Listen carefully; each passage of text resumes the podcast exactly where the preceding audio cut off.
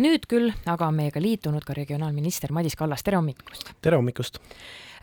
no ikkagi alustame siis sellest, mis on üks suur teie tehtud töö, ma saan aru, on tõepoolest see tasuline mitte nüüd täiesti tasuline, aga bussi, bussisõidud, ühistransport, mis on nüüd üle Eesti. küsiks sedapidi, et nüüd uuest aastast ta ju hakkas kehtima, et tööealised inimesed peavad ikkagi maksma oma transpordi eest.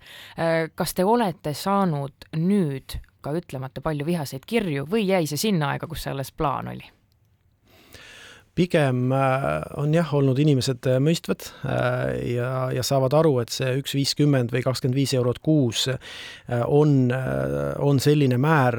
millega tullakse toime mitmetel juhtudel on ka siis ettevõtjad või tööandjad toetanud siis pileti hinna kompenseerimist. Et, et üld, üldiselt saadakse aru, loomulikult äh, ükskõik, olgu see üks euro iga kuu, mis rohkem välja läheb, või kakskümmend viis eurot, et loomulikult ta mõjutab äh, siis konkreetse inimese äh, kuu eelarvet või pere eelarvet, aga aga üldiselt Eesti inimesed on olnud mõistvad ja, ja kõik on ju ainult selle nimel, et, et ühistransport paremaks läheks, et, et me peame kuskilt vaikselt hakkama neid lisavahendeid juurde saama aga see mõte, mis äh, siin alles eelmisel nädalal äh, ühes äh, artikli pealkirjas Rahvusringhäälingus kõlas, et võiks ikkagi hakata maksustama ka pensionäride ja laste piletit, et sealt tuleks veel ju kolm, ma ei mäleta isegi, mitu miljonit sealt seal peidus oli. mis te sellest arvate? no temal see ettepanek, mille mm -hmm. siis Põhja Ühistranspordikeskuse juht tegi, et, et noh, veel kord äh, arutanud äh, on nad erinevaid asju, siis ühistranspordikeskuste juhid ja, ja kindlasti ma nagu tunnustan selle koha pealt, et nad kõik tunnevad muret, et nad tahaksid paremat ühistransporti. kõik tahavad raha et... anda valitsusele juurde teiseks on see, et miinused lähevad kogu aeg suuremaks äh, iga aasta, kuna lepingud ühistranspordi äh, siis sektoris on seotud tarbijahinnaindeksiga, kui see kasvab, siis kogu aeg see puudujääk on suurem. aga noh, minu põhimõte on see, et meil on võimalik vahendeid saada kahest kohast, on üks on riigieelarve ehk läbi maksutulude ja teine on siis kedagi täiendavalt siis piletiga maksustades. ja kui me nüüd esimesena valime piletiga maksustamisel äh, siis pensionärid ja, ja lapsed, siis noh see kindlasti ei ole see tee, kuhu me tahame minna, et ma arvan, et meil on piisavalt võimalusi ennem riigieelarvest vaadata kõik kohad üle, meil on piisavalt võimalusi ka erinevaid siis äh, maksumodifikatsioone teha, et läbi mille me saaksime siis äh, rohkem tulu, aga mitte ei ole nii, et meil on kõik võimalused ära kasutatud ja,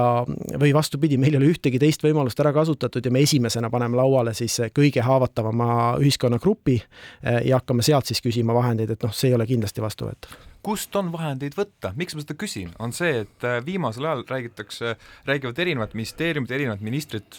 huvitavatest ettepanekutest, näiteks haridusminister äh, tahab hakata pidama läbirääkimisi väikeste koolidega, mille tagajärjel suure tõenäosusega mõned väiksed koolid meie maapiirkondades pannakse kinni. Mida ma ei ole kuulnud, on see, et mida arvab sellest regionaalminister, et meie väikses äh, piirkonnas võivad mõned koolid kinni panna pan-, pannata, jah mm. -hmm. eks äh, ta on olnud äh, laual ju piisavalt ja kui me eelmine aasta koalitsioonikõnelusi pidama alust-, hakkasime, siis meil oli esimene, üks esimesi punkte oli väikeste maakoolide, küll kuueklassiliste maakoolide siis nii-öelda toetusmeede. tänaseks hetkeks on see rakendatud, seal on eelarves ette nähtud kolm miljonit eurot, et igas Eestimaa piirkonnas oleks vähemalt siis kuus klassi kooliharidus tagatud. mis puudutab nüüd gümnaasiumeid, siis jah Äh, meie selge sõnum on olnud, et Eesti seitsekümmend üheksa kohalikku omavalitsust on piisavalt erinevad, et me peame igale juhtumile äh, nii-öelda juhtumipõhiselt lähenema. on kindlasti kohti, äh, kus see nagu noh, mõeldamatu, et, et me hakkame gümnaasiumiastet sulgema, kuna lähim gümnaasium on võib-olla viiekümne kilomeetri kaugusel ja mida ta tähendab selle piirkonna noorte jaoks, mida ta tähendab selle piirkonna eluolu jaoks. et, et see ongi regionaalministri ja regionaalpoliitika üks olemus, et, et igas piirkonnas me vaataksime, et kuidas seda elu seal ähm, arendada. Äh, kahjuks peame tänasel hetkel rääkima, kuidas seda elu seal hoida, et areng, arengust on mingites piirkondades väga keeruline rääkida. aga ilma selleta ma arvan, et regionaalministri ametit ei ole mõtet pidada. kuidas siis hoida elu nendes väikestes kohtades, arvestades, et äh, näiteks piiri äärde hakatakse rajama punkreid ja juba sealt on tulnud teatud signaale, et meie neid siia väga ei taha ja kuidas me siin oma elukest elame, kui äh, sõdurid hakkavad punkreid ehitama. lisaks on äh, sellist noh, regionaalpoliitiliselt olulised ka need diskussioonid, kus arutatakse näiteks tuumajaama tuleku üle, erinevad harjutusväljakud, mida te arvate nendest projektidest, mida peaksid maainimesed siis äh, tegema, kas peaksid ära kolima nendest piirkondadest või, või lihtsalt leppima? no ma arvan, et ühte lausesse või ühte küsimusse oli pandud väga palju erinevaid asju kokku, et, et kindlasti äh, täna, kus meil on Ukrainas sõda ja, ja sõda sisuliselt Euroopa südames, loomulikult see mõjutab äh, ka Eesti julgeolekut ja Eesti äh, oma kaitse poole pealt peab tegema otsuseid, mida me võib-olla kümme või kakskümmend aastat tagasi ei, ei näinud kuidagi ette, et et, et kuidas kindlustada oma piiri, kuidas tagada laiapindne riigikaitse, need on kõik need sammud, mida nüüd ja, ja praegu on meil vaja teha.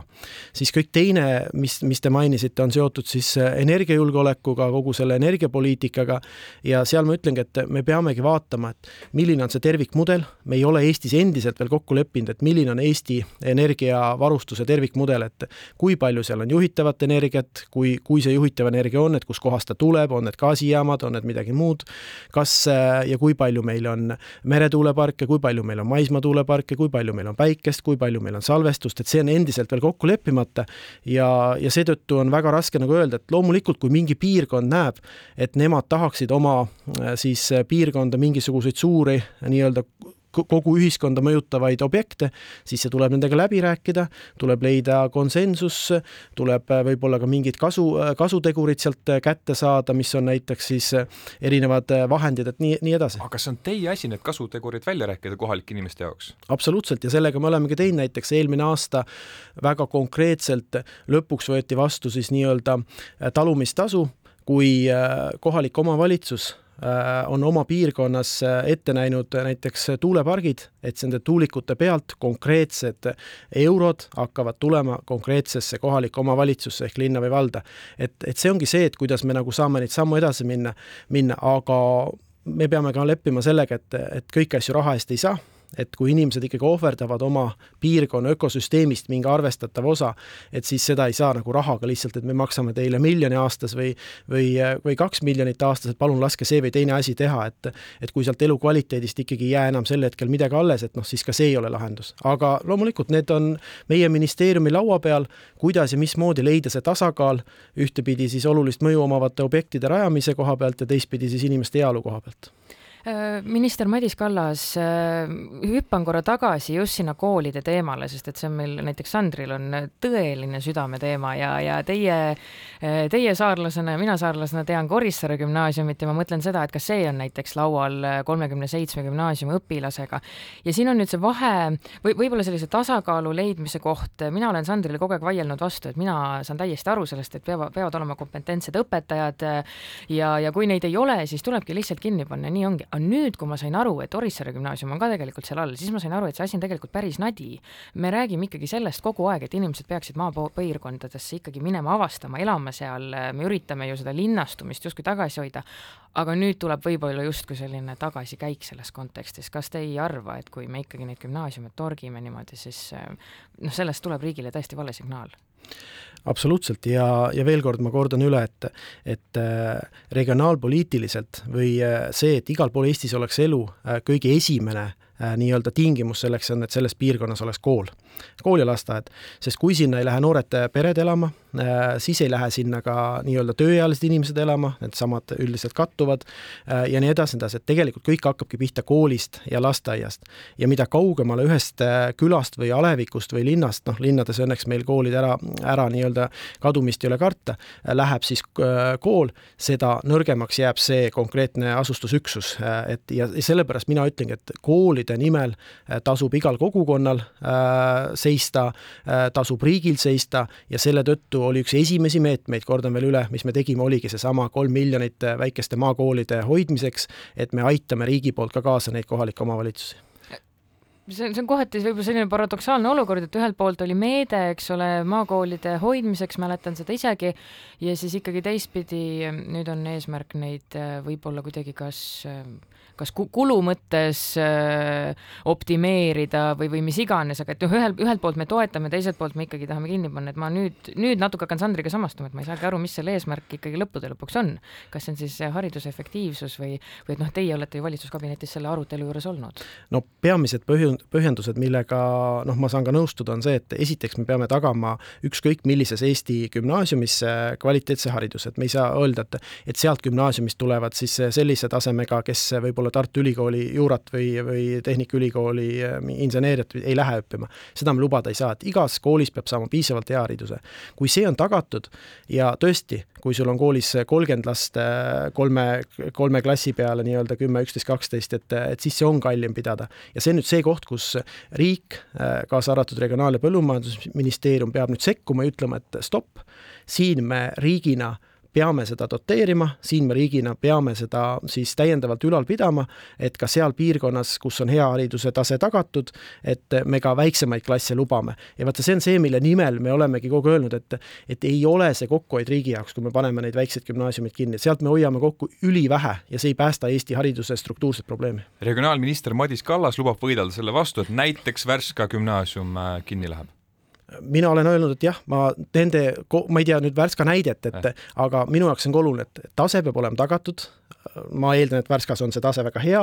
ja nüüd ongi järgmine samm ongi sellest, et kuidas me leiame sinna täiendavad vahendid. aga miks me ei näe meediaveergudel äh, teid avaldamas arvamust, et neid kooli ei tohi kinni panna, miks me ei kuule sellest? no üks, üks asi on see, et esiteks neid arutelusid ei ole veel avatud sellisena, minu, minu kohtumised ka haridus-teadusministriga olid kohe esimesel hetkel, ma ütlesin, et ükskõik milliseid teemasid te arutate äh, siis koolivõrgus, minge kohtuge kohalike omavalitsuste juhtidega ja lähteülesanne ei ole mitte see, et me hakkame sulgema, vaid lähteülesanne on see, kuidas me riigina saame toetada teie väikeste gümnaasiumite elujõulisust ja kuidas me saame tagada, et viie või kümne aasta pärast oleks ka need gümnaasiumid avatud. et see peaks olema see lähteülesanne, see, et tegi üks meediaväljaande hoopis teise pealkirja, tegi hoopis teistsuguse kaardi, see ei olnud nii plaanis ja vähemalt nii on mulle kinnitanud haridus-teadusminister ja mina usun seda. Madis Kallas, kuidas Äh, kuhu Eesti praegu liig-, liigub, me oleme oma stsenaariumeid seadnud siin aastate jooksul mitu korda, üks variant on see, et äh, maapiirkonnad surevadki välja, need jäävad justkui reservaatideks, mõned sellised rikkad inimesed elavad seal metsa sees ainult ja teised kõik on linnas, sest et muud varianti ei ole. kuhu me liigume? no praegu kolmkümmend aastat me oleme liikunud jah, selles suunas, et kõik kolivad Harjumaale, äh, Tallinnasse ja üha tühjemaks jäävad siis Eesti maapiirkonnad. aga mina noh, ka lapsed käivad maakoolis ja, ja iga, iga nädalavahetus äh, nii palju kui võimalik käin, käin äh, Saaremaal ja pere juures olen, et et me peame sellega ühis, üheskoos nagu äh, võitlema ja, ja selle vastu nagu samme astuma, noh, sellepärast me olemegi praegu üheselt ja selgelt öelnud ka, et kohalike omavalitsuste rahastusmudel tuleb ümber vaadata, me peame suunama Harjumaalt täiendavalt siis tulumaksu kasvu ka nendesse piirkondadesse, et Värska gümnaasium, Orissaare gümnaasium saaksid olla avatud, need on need sammud, aga seda seda mõistmist peab olema ka Harjumaal oluliselt rohkem, et ma saan aru, et saatejuhid seda väga hästi mõistavad, aga tegelikult seda mõistmist on minu hinnangul natuke liiga vähe ja me oleme praegu peatud juhtudel ikkagi põrganud vastu betoonseina regionaalminister Madis Kallas, aitäh täna stuudiosse tulemast ja oma mõtteid meiega jagamast! aitäh!